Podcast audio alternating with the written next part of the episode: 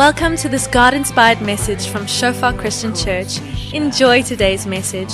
May you experience the presence of our Father and may you grow deeper in your relationship with Him. Oh Jesus, your love over Ja Here, dankie dat ons vanoggend onsself net voor U kan kom neerlê, Here. Ja, ons het ons hierdie vraag na U toe bring, Here, hoe hoe is dit moontlik, Here, dat 'n 'n groot Here almagtige heilige God toelaat dat boosheid, Here, dat sonde, Vader, in die wêreld voortgaan, Vader. Kom. Kom bid ek, Here, dat ons eerstens net Vader U die hand van liefde sal sal sien, Here. Die offer, Here. En dan ook U geregtigheid, Here, aanskou, Vader. Net in dankbaarheid, Vader, en verwondering sal staan en kyk na die wysheid van God, Vader, soos ons onsself voor U neerlê, Here.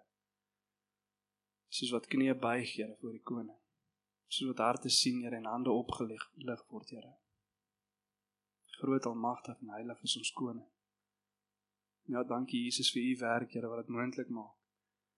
En dankie Heilige Gees dat U kom, Here, en geestelike waarhede aan die wat geestelik is oordra vanoggend, Vader. Ons kom sê vir dankie, Here, want sonder U is dit nie moontlik nie in Jesus naam. Amen. So vanoggend gaan ons bietjie aan met ons klein preekreeks waarmee ons die laaste ruk besig is, heiden of heilige deel 3. Vir die van julle wat deel 1 en 2 gemis het, julle kan dit gaan kry op Facebook, op ons webtuiste of ook op ons podcast platforms en dan kan julle asseblief daarna gaan luister sodat ons kyk na die lewe van Dawid na die lewe van Saul en hierdie twee konings teen mekaar kontrasteer en half na hulle lewens kyk, die sonde in hulle lewe, maar ook hoe God optree teenoor hulle twee. Jy weet, en sodat ons kyk na die lewe van Saul en net om vir ons vinnig te recap, ons sien dat Saul gaan en die Here vra vir hom om een ding te gaan doen. Hulle gaan nou oorlog voer teen die Filistyne en Samuel, soos ons hom gedoop het, Samuel Lotred. Hy was bietjie laat geweest. Hy kom daaraan En ek het ook toe agtergekom sodat ek in die week gedink gedink het ons kan hom ook Samuel Lourens noem maar nietemin ons los vir Samuel daarsom. Samuel daag te bietjie laat op. En dan sien ons Saul gaan wat lyk asof dit 'n goeie hart is. Hy gaan offer 'n offer aan die Here sodat die blessing, sodat die woord van God en die seën van God saam met hulle kan gaan soos wat hulle hierdie oorlog tog gaan gaan voer. Maar dan kom Samuel dan en hy sê jy het gedoen wat nie reg is nie in die oë van die Here. Die koninkryk gaan van jou weggeskeer word en vir ander gegee word. 'n man na in God se hart wat alles sal doen wat God hom beveel. En hierdie man is Dawid. Maar tog sien ons twee hoofstukke later in 1 Samuel 16 dat Samuel weer na Saul toe kom en asof hy maar vir tweede kans gaan. Hy sê die Here het my gestuur om jou te salf as koning oor Israel gaan dan en gaan vernietig die Amalekiete. Want die Amalekiete is besig om die nasies om hulle te vernietig. Die oordeel van God wat ons sê, hy's in daai storie ook sien, maar ons gaan nou 'n bietjie daarna kyk gaan gaan gaan verwoes hierdie nasie, gaan maak alles dood, los geen mens of dier lewendig nie. Ons sien ons sal gaan en hy hou van die beste van die diere en hy hou dit vir homself en hy sê hy wil dit vir die Here, die God gaan offer by Gilgal. Weerens dit lyk asof dit 'n goeie hart is. En dan ook hou hy vir Amalek, die koning van die Amalekiete lewendig. So Saul se sonde is, hy maak nie alles dood nie. Al was 'n koning van 'n nasie wat jy geoorwin het, half gehou as 'n trofee van trots en half van 'n bietjie hoogmoed sien ons dat Saul se sondes hy maak nie als dood nie. Dit lyk amper half of Saul dit uit 'n goeie plek uit doen of met 'n goeie hart doen. En weer kom Samuel om te sê die koninkryk word van jou weggeskeer. God gaan dan en hy stuur vir Samuel en hy gaan salf Dawid koning oor Israel. Die gees van die Here gaan van Saul af weg kom rus op Dawid. En dan is Dawid koning oor Israel en Saul en sy seun word later in oorlog doodgemaak. Maar dan sien ons Dawid se sonde. Nadat hy klomp goeie goed gedoen het, nadat hy regtig 'n man is na in God se hart, wat klomp goed vir die Here gedoen het, wat regtig God ken. En dan sien ons hierdie ding wat gebeur. Wel, ek sien net ek moet myself 'n bietjie harder sit.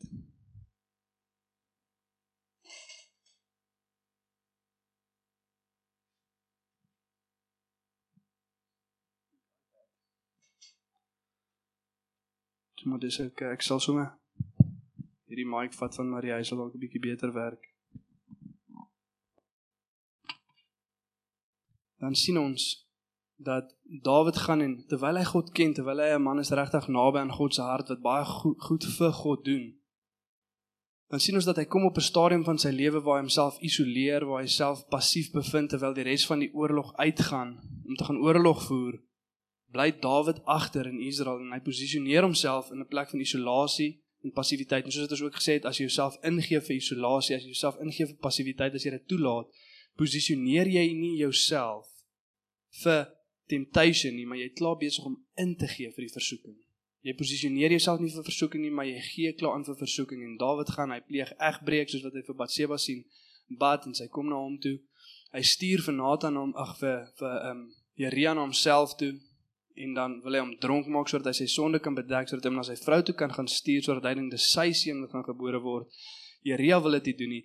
Hy stuur hom terug na Joab toe met 'n brief en sê sit vir Jeria aan die voorpunt van die oorlog en dan trek van hom af weg sodat hy doodgemaak kan word. Groot sonde wat gebeur in Dawid se lewe.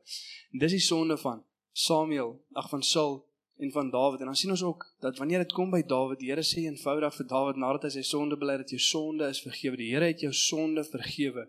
Jy sal nie sterf nie. En die vraag wat ons onsself vra vandag veral soos wat ons daarna kyk, Here, maar hoe is dit regverdig? teenoor sonde? Hoe's dit geregtigheid wat geskied? Hoe's dit 'n heilige God wat besig is om op te tree? How can a good God allow evil to exist? Hoe kan 'n goeie groot God toelaat dat boosheid oor die aarde reageer? Hoe kan hy dit toelaat? Hoe is hy regverdig? Dit is soos wat ons deur die storie gegaan het, is daar twee punte wat ons laas keer gemaak het. Heiden of heilige punt nommer 1 en 2 en dit sê die volgende: Dit is net die woord van God wat kan deurbreek en 'n heiden verander in 'n heilige. En ons het gesien dat Samuel, Agsaal en Dawid nie een van hulle twee het eers na die Here toe teruggedraai nie. Nie een van hulle het hulle self bekeer of hulle sondes bely nie. Dit was God wat moes 'n profeet stuur, die woord van God na daai mense om toe te laai, toe te laai dat hulle terugdraai na God toe. Dis God wat dit toelaat. Hy's die een wat met genade na ons toe uitreik en hoe ons dan reageer op genade. Is waar die verskil begin inkom en dit is waarna ons gekyk het in deel 2 die verskil. Hoe reageer ons goed op die genade wat God na ons kant toe uitstuur? En as jy daag sien, as ons kyk na punt nommer 2, dis die volgende punt gemaak. God vergewe die hart vol waarheid en opregtheid wat op hom gerig is. Want God kan nie die sonde vergewe wat ons voorgee ons nie het nie. Dis wat Saul gedoen het. Hy het nie eienaarskap gevat van sy sonde net gesê, Here, ek het U stem gehoorsaam, maar die mense die mense se sonde. Here, dit was hulle en toe die resultaat van sy sonde sien toe is hy jammer, want hy was jammer oor die resultaat, nie teen die een wie hy teen gesondig het nie. Dawid het berou, hy verstaan hy teen God gesondig en hy kom met 'n opregte hart na God toe en God vergewe hom. En dan vra ons vir onsself die vraag vandag, okay, Jesus, ons sien dit.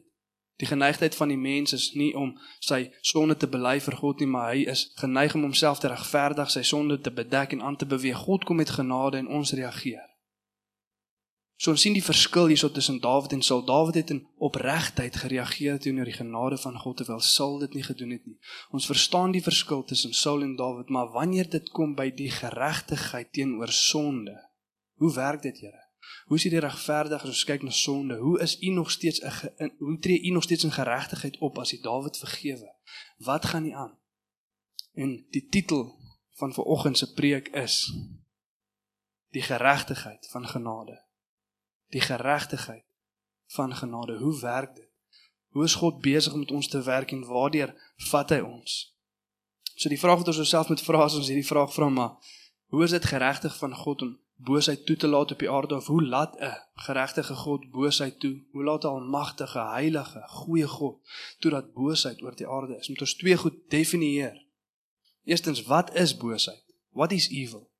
Of Wie is boos? Who is evil? En wat sal oorbly as God dan boosheid uit hierdie wêreld uit verwyder? What will be left when God removes evil from this world? So kom ons lees hierdie storie van Dawid en kyk 'n bietjie wat ons hieruit kan leer. Ons lees in 2 Samuel 12 en vers 1 tot vers 13 en dan sien ons in hierdie stuk wat gebeur en dan leer ons 'n paar lesse daaruit. Dit sê die volgende.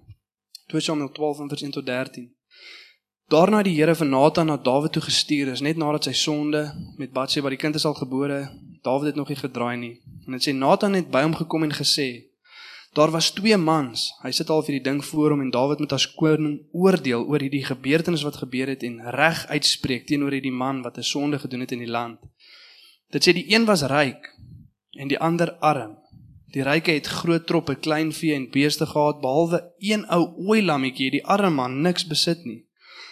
Hy het haar in die lewe gehou en sy het saam met sy kinders groot geword. Sy het van sy krummeltjies geëet, uit sy beker gedrink en op sy skoot geslaap. Sy was almal lief vir hierdie ooi lam. Ja, sy was vir hom soos 'n eie dogter. Daar het 'n besoeker by die ryk man gekom en hom en hy kon dit nie oor sy hart kry om van sy eie kleinvee of beeste te vat en vir die reisiger te slag nie. Toe vat hy die ooilam van die arm man en slag haar vir sy gas. Dawid het hom bloedig vererg oor die man en vir Nathan gesê so seker as wat die Here leef 'n man wat dit oor sy hart kon kry om so iets te doen moet doodgemaak word. En hy moet viervoudig vir die ooilam vergoed. Jy is die man sê Nathan toe vir Dawid. So sê die Here die koning van Israel ek het jou tot koning van Israel gesalf. Ek het jou teen Saul beskerm. Ek het ek het jou aan die koningskap van Saul gegee en boonop nog sy vrouens ook. Ek het die koningskap oor Israel en Juda aan jou gegee en as dit nog te min was, sou ek enige iets daar wou bygee. Waarom het jy nou die woord van die Here geminag deur so 'n verkeerde ding te doen? Jy het Jeria die Hitit met die swaard doodgemaak en toe sy vrou vir jou gevat. Ja, jy het hom vermoor met die swaard van die Ammoniete. Daarom sal die swaard nooit meer uit jou huis weggaan nie. Daai woordjie daarom. Hierdie is die effek van jou sonde. Daarom sal die swaard nooit meer uit jou huis weggaan nie want jy het my geminag toe jy Jeria die Hitietse vrou vir jou gevat het. So sê die Here van nou af gaan ek jou eie huis uit jou eie huis ellende oor jou bring. Ek sal jou vrouens voor jou oë vat en aan iemand anders gee. Hy sal by jou vrouens slaap oop en bloot want jy het 'n ding in die geheim gedoen, maar ek sal alles oop en bloot voor die hele Israel doen. Toe sê Dawid vir Nathan, ek het gesondig teen die Here. En Nathan sê vir hom, die Here het jou sonde vergewe. Jy sal nie nou sterf nie. Soos wat ons deur daai stuk lees en ek moet met ons eerlik wees hierdie laaste paar weke was hierdie regte teks waardeur ek gestoei het. Dit was nie maklik nie om sin te maak van alles wat gebeur, hoe die Here optree teenoor mense, hoe geregtigheid geskied en hoe God homself geregtig en regverdig hou deur hierdie hele proses en ek wil ook vir jou vra daar by die huis, as seker goeders vir jou snaaks is of vreemd is of jy verstaan nie lekker waaraan gaan nie, druk in in gebed, druk in in die woord en vra die Here vir wysheid. Soos wat hy vir ons wysheid gee rondom hierdie goeders en ook soos wat ons vanoggend deur hierdie preek gaan en voel asseblief gerus om na my toe uit te reik 'n koffietjie gaan te gaan drink as ja iets as jy ietsie lekker verstaan of ietsie vir jou lekker sin maak want dit is nogal 'n moeilike boodskap vanoggend. En ook as ons kyk na die goeders en net soos wat ons ook deur hierdie storie lees daar vra wat in ons kop inspring Here maar wat gaan nie aan? Of hoe gebeur dit Here? Of, of of dit maak nie lekker vir my sin nie. Druk in in gebed druk in in die woord en reik uit dat ons 'n koffietjie kan gaan drink as 'n as iets vir jou moeilik is. Maar soos wat ons deur hierdie stuk skrif lees, sien ons drie goed wat hoofsaaklik vir ons uitstaan. Die eerste ding wat ons sien en waarop ons 'n bietjie gaan fokus ook vanoggend is, die blindheid van die mens teenoor sy eie sonde. Hoe blind ons is vir ons eie boosheid, vir ons eie kwaad, vir die eie goeders wat ons in ons lewe doen. Hoekom? Soos in nommer 1 gesê het ons deur hierdie stukke gaan het want ons geneigtheid is om as dit by ons sonde kom, onsself te regverdig, dit te bedek en aan te beweeg. Dit is hoekom ons baie keer 'n vlak siening het van die ander eie boosheid in ons lewe of the own evil in our own lives. We have a very shallow view. Ons sien dit baie keer mis en dan die ander ding wat ons sien, soos wat ons deur hierdie teksvers lees, is die vergifnis van God.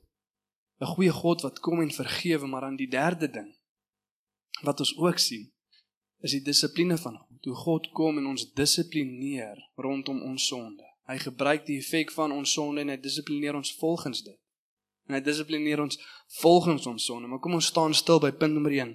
Die blindheid van die mens. As dit kom by ons eie sonde. Ons lees in 2 Samuel 12 en vers 5 tot 6 wat ons nou net gelees het. Dawid het hom bloedig vererg oor die man en vir Nathan gesê: "So seker as die Here leef, 'n man wat dit oor sy hart kon kry om so iets te doen, moet doodgemaak word. En hy moet viervoudig vir die ooilam vergoed." En is dit nie ironies nie, want Dawid is hierso besig om sy eie sonde te bedek. Hy het nou net in die afgelope jaar wat verby is, egbreek gepleeg, 'n man se vrou by hom gesteel, die man laat vermoor en die kind is al gebore en hier kom iemand wat net eenvoudig 'n skaap by iemand anders gesteel het. En Dawid vererg hom bloedig vir hierdie man. En soos so seker is wat die Here lewe, hierdie man moet dood gemaak word. En soos wat ek nou net gesê het, ons het baie keer 'n vlak siening van ons eie sonde omdat ons osself konstant regverdig. En ons is baie keer geneig om verby ons eie sonde te kyk en dit te oordeel in die lewens van ander. En let mooi wat ek daarso sê, ons oordeel nie ander se sonde nie, ons oordeel ons eie sonde in die lewe van ander. Dis wat die skrif sê dit bietjie snaaks raak want ons oordeel onsself as ons 'n vinger wys na die mense om ons. Ons oordeel onsself en daai is in onsself en ook een ding wat ons hierso moet oplet is dat die judgment of wanneer gereg moet geskied en dit moet geskied uit die hart van 'n sondige mens, dan is die straf baie erger as die straf van 'n regverdige God. Dawid het 'n man laat doodmaak, hy het sy vrou gesteel. En hierdie man het eenvoudig net 'n skaap gesteel by iemand anders en hom laat doodmaak en Dawid sê hierdie man moet sekerlik doodgemaak word. En as ons kyk na God se wet in Eksodus 22 vers 1 is nie op die bord nie, maar ek kan dit gaan lees. Dan sê dit volgens God as jy iemand anders se skaap steel, moet jy dit viervoudig terugbetaal, maar dis nêrens naby die doodstraf nie. Dis nêrens naby die doodstraf nie, maar Dawid sê hierdie man moet doodgemaak word die oordeel van sondige mens is baie harder as die oordeel van 'n regverdige God. En wat so snaaks is terwyl Dawid sy oordeel uitval wat Dawid besig is om te sê, Here, hoe kan U hierdie boosheid toelaat? Hoe kan U hierdie boosheid toelaat? Hierdie man moet deur God doodgemaak word. Hierdie man moet gestraf word. Waar is 'n regverdige God wat reg laat geskied? Want hierdie man moet doodgemaak word. Maar net in die vorige hoofstuk wat ons laas keer gelees het, is ook nie op die bord nie toe Dawid in vers 25 van hoofstuk 11 woord stuur vir Joab net nadat hy Jeria laat doodmaak het. Wat sê Dawid vir wat sê Dawid vir Joab? Hy sê moenie laat hierdie ding verkeerd wees in jou oë nie. Want dalk sou Jeria in elk geval dood gegaan het. Die swaard maak nou een dood en dan 'n ander. Omdat hy sy eie sonde regverdig, kyk hy verby dit en hy oordeel dit in die lewe van 'n ander. En ons doen net dieselfde en ek moet vir ons vanoggend ietsie sê Wanneer ook al ons op hierdie punt kom, wanneer ook al ons daai vraag vra, Here, hoe kan U sekere mense laat lewe? Hoe kan U hierdie sonde laat plaasvind in die wêreld, hierdie ongeregtigheid? Weet hierdie corruption wat ons sien in ons land, Here, hoe kan U dit laat aangaan wanneer ook al ons daai vraag vra, as ons in dieselfde bootjie as wat Dawid nou is? Ons kyk heeltemal verby ons eie boosheid. En ons sien dit net in die lewe van iemand anders. Ons kyk heeltemal verby dit. Ons is totaal en al mislei deur sonde die misleidenheid van sonde. Ons lees in Hebreërs 3 van vers 13: Sorg dat niemand van julle deur die misleiding van sonde verhard word nie. En so kom ons eie sonde en dit mislei ons en ons sien dit net in die oë van ander raak en wanneer ook al ons daai vraag vra. Here, hoekom straf U nie daai mens nie? Hoekom maak U nie ongeregtigheid dood nie? Hoekom laat U boosheid aan laat gaan? Why is there so much evil, Lord? Dan gee die Here vir ons dieselfde antwoord as wat Nathan vir Dawid gegee het. En ons lees dit hierso in 2 Samuel 12 vers 7. Here, hoekom straf U nie? Hoekom oordeel U nie? Hoekom maak U nie dood nie? Hoekom verwyder U nie? Dan sê die Here vir ons, jy is die man. Want jy's daai man ook. Jy het ook daai ongeregtigheid, jy het ook daai sonde. Jy het dit ook. Jy's ook daai man wat verdien om te sterf vir jou sonde.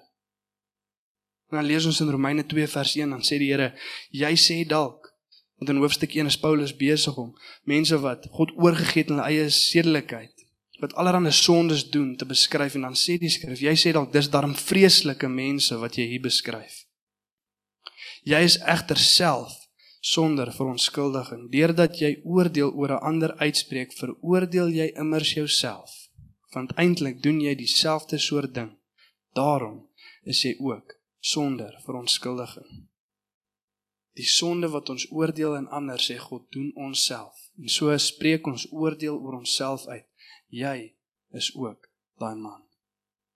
Jy is daai een wat verdien om te sterf. Jy is daai een vol boosheid. Jy is daai een besig met verkeerde werke. Jy is daai een wat jouself regverdig, jou sonde bedek en eenvoudig aan beweeg. Soos ons lees in Romeine 3, nie een is regverdig nie, nie een doen goed nie. Almal het afgedwaal, nie een soek God nie.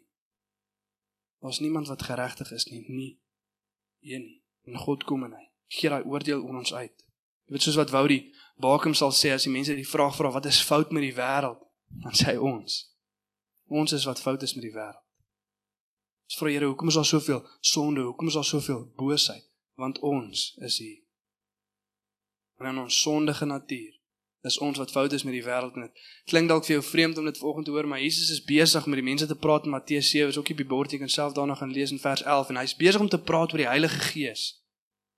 En hy sê julle goeie Vader sal die Heilige Gees gee vir die wat vra, maar soos wat hy besig is om te praat, drop hy net so by the way statement. As julle wat sleg is, as julle wat boos is, as julle wat sondig is, weet om goeie goed vir julle kinders te gee. If you are evil, sê die fokus nie is net so by the way statement, o en by the way, julle is evil.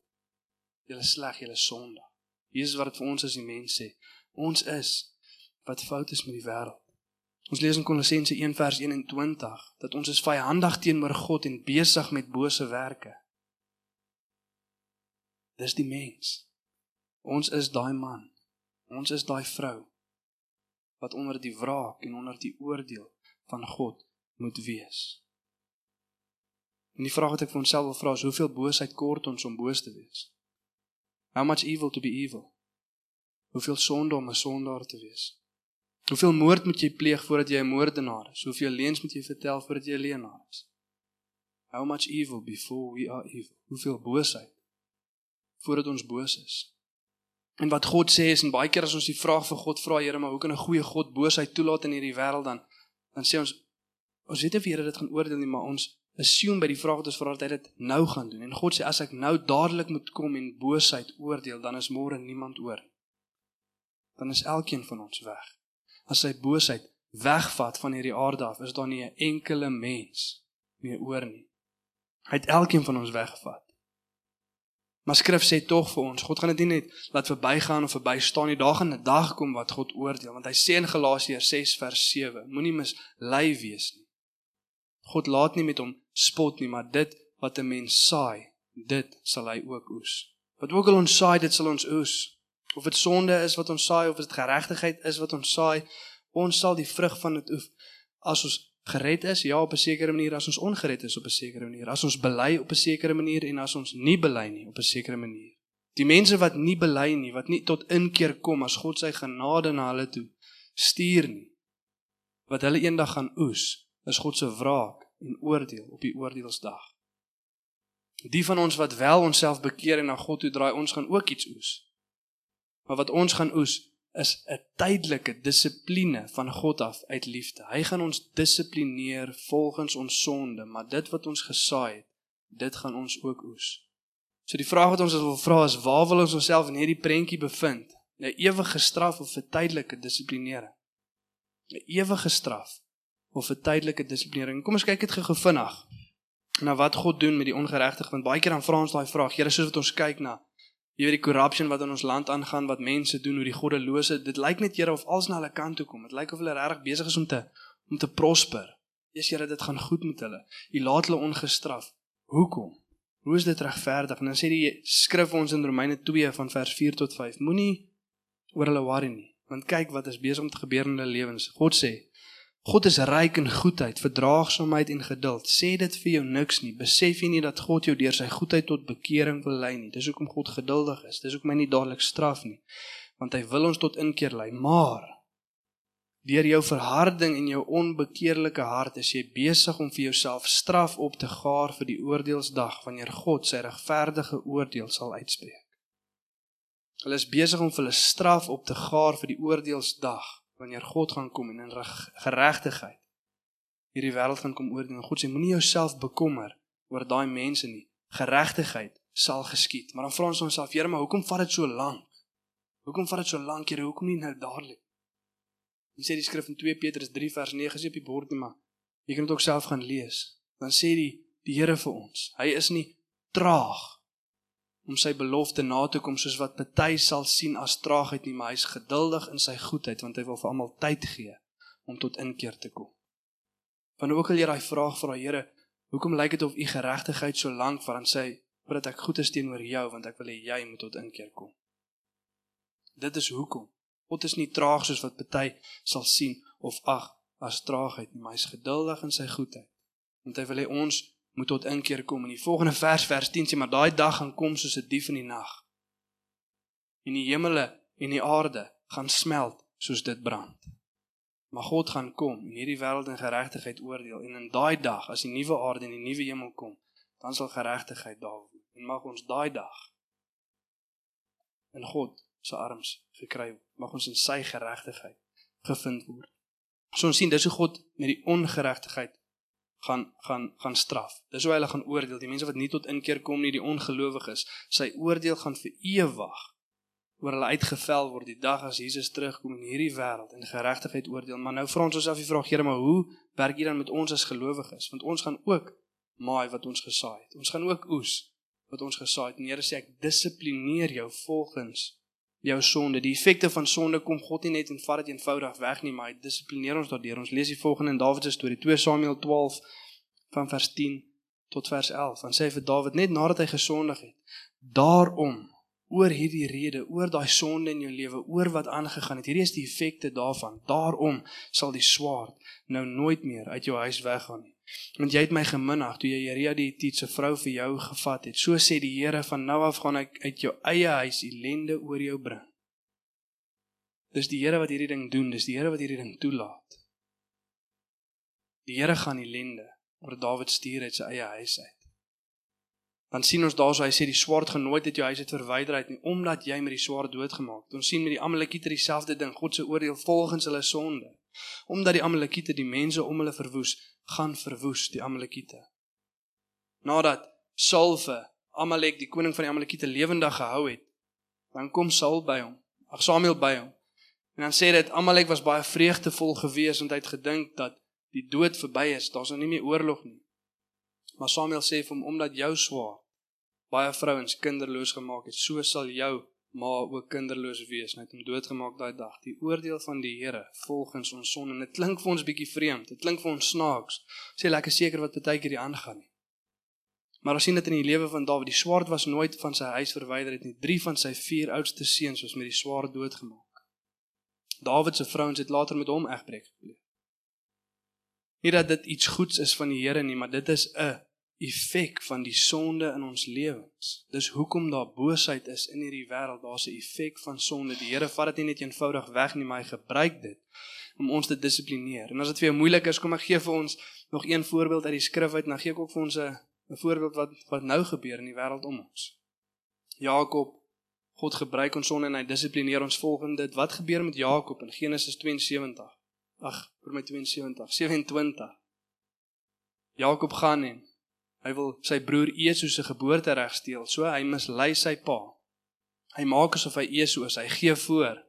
En hy mislei sy pa en hy steel die geboortereg van sy broer Esau. Maar dan twee hoofstukke later in Genesis 29, wat doen Laban met Jakob? Jakob werk 7 jaar om met Rachel te te trou, maar Laban mislei hom en hy gee vir hom Lea, die verkeerde vrou. En so word Jakob deur sy eie sonde gedissiplineer 8 hoofstukke later, Genesis 37. Lees ons Jakob het 'n gunsteling seun, sy naam is Josef. En wat doen Jakob se kinders met hom oor Josef? Hulle verkoop vir Josef as 'n slaaf en hulle vat sy kleed, hulle skeer dit stukkend, hulle dip dit in bloed en hulle vat dit vir hulle pa en hulle mislei hom en hulle sê Josef, jou seun is dood. Vir jare van sy lewe dink Jakob sy geliefde seun is dood totdat hy die laaste paar jaar van sy lewe uitvind nee Josef lewe nog en hy sien weer vir Josef maar sy seuns het hom mislei. En daar sien ons ook die effekte van Jakob se sonde in sy lewe dat God dissiplineer hom deur sy sonde sodat God ons kan leer om te haat dit wat ons eens liefgehad het. Ja, ons moet haat, daar's een ding wat ons moet haat en dis die sonde. En die sonde waarmee ons besig is, leer God ons om teen dit te dra en hy dissiplineer ons daardeur sodat ons 'n les kan leer nou die die die modern day example wat vandag gebeur. Ek gaan dit nie baie reguit sê nie. Ek ek gee vir jou so half 'n leidraad en ek laat toe dat jy dit self uitfigure. Veral hier by ons Afrikaanse oggenddiens wil ek nie op tone trap nie, maar ek wil tog die waarheid spreek. En ek vra vir jou 'n vraag, gaan dit nie duidelik sê nie, so ek ek los dit oor in jou hande. As dit kom by God wat dissiplineer volgens sonde, vra ek jou die volgende vraag.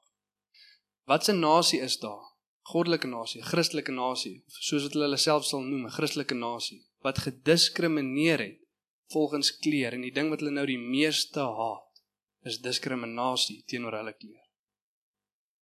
Ek los dit in jou hande.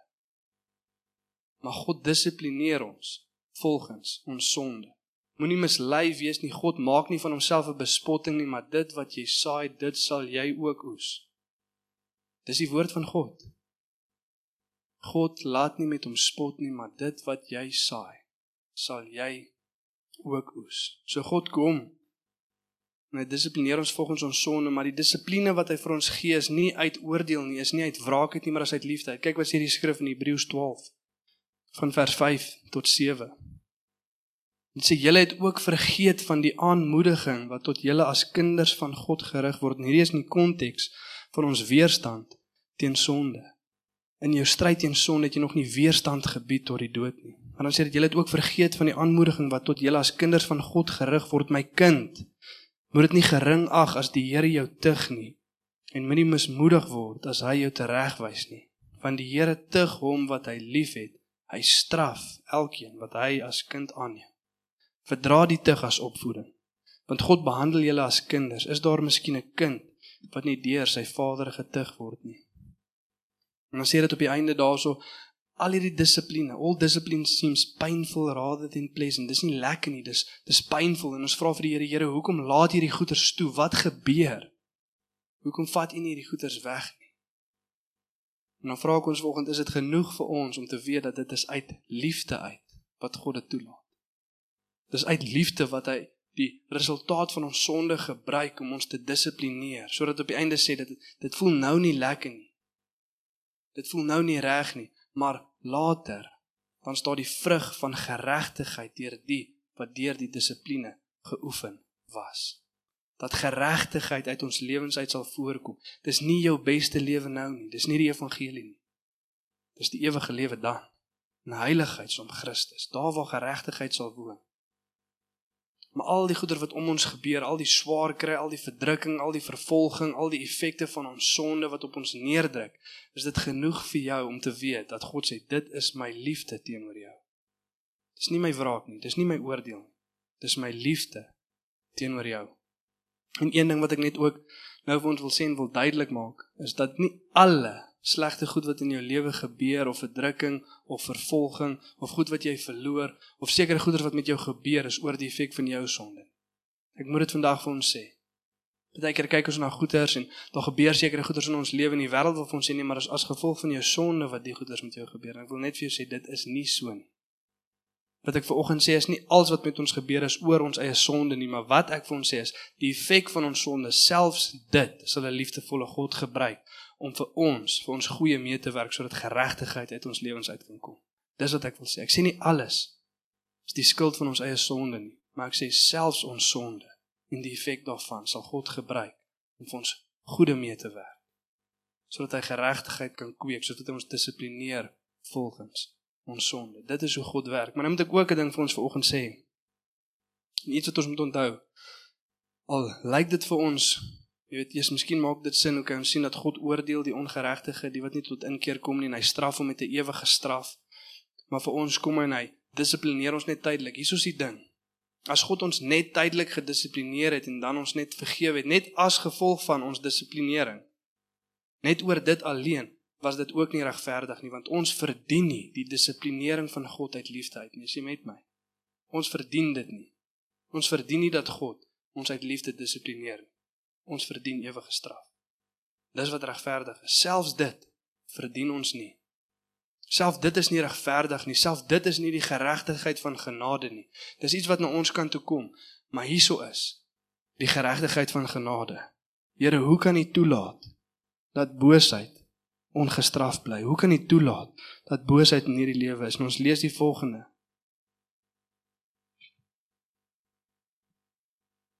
Ons lees die volgende in Romeine 3. Van vers 23 tot 26 en dit sê die volgende: Want almal het gesondag en dit ontbreek hulle aan die heerlikheid van God. En hulle word deur sy genade sonder verdienste geregverdig deur die verlossing wat in Christus Jesus is.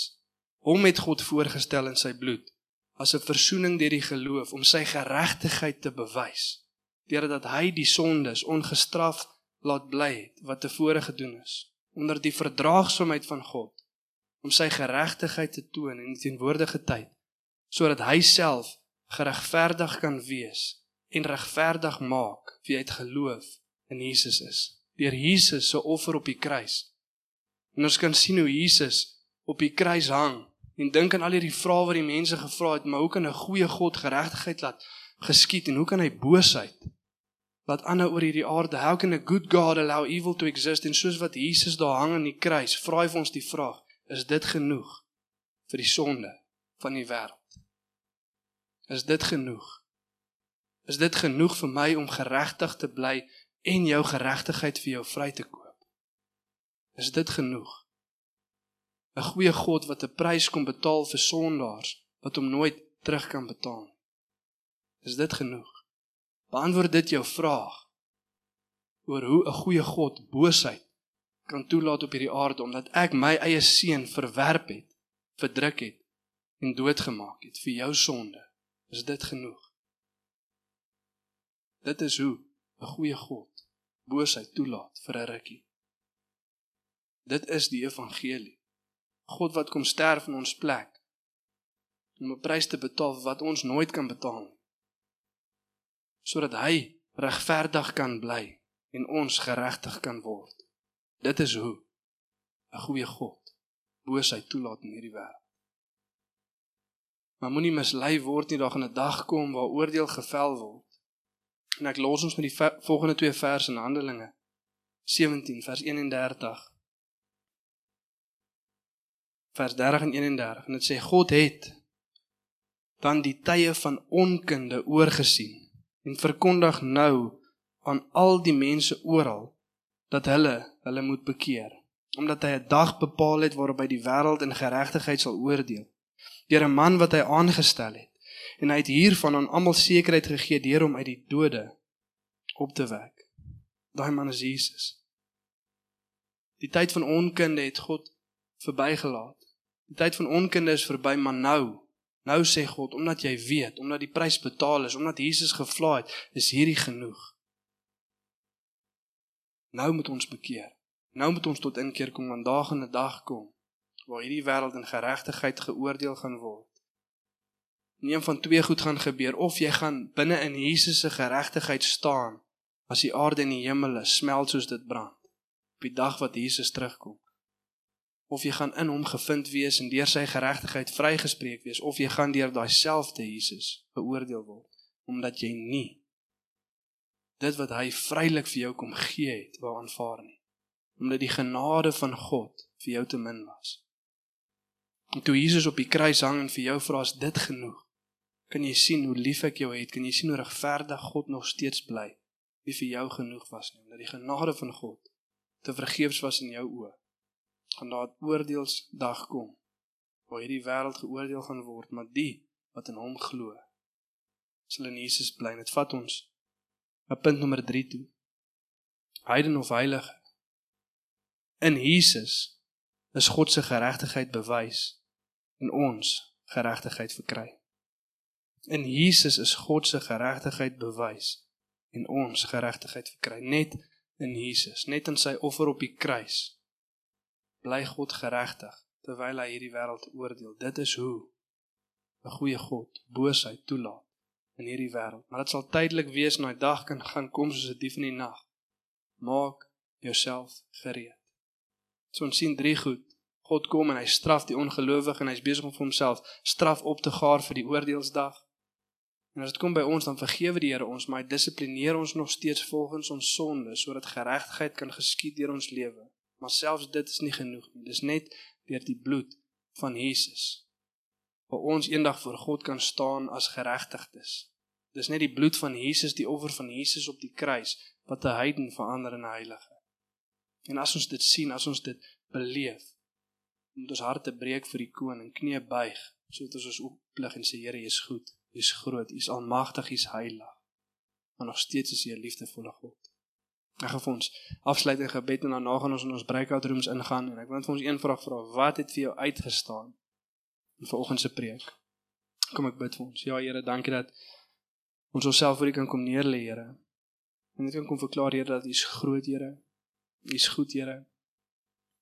U is vol genade. U is heilig en regverdig, Vader.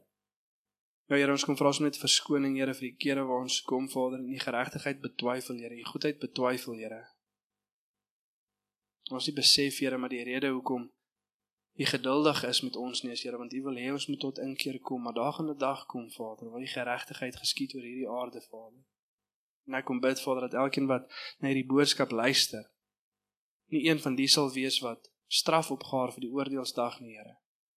Maar vir die wat hulle geregtigheid in Jesus verkry het, soos wat hy op die kruis gehang het en gesê, dit is genoeg, dit is dan, dit is finished, dit is klaar.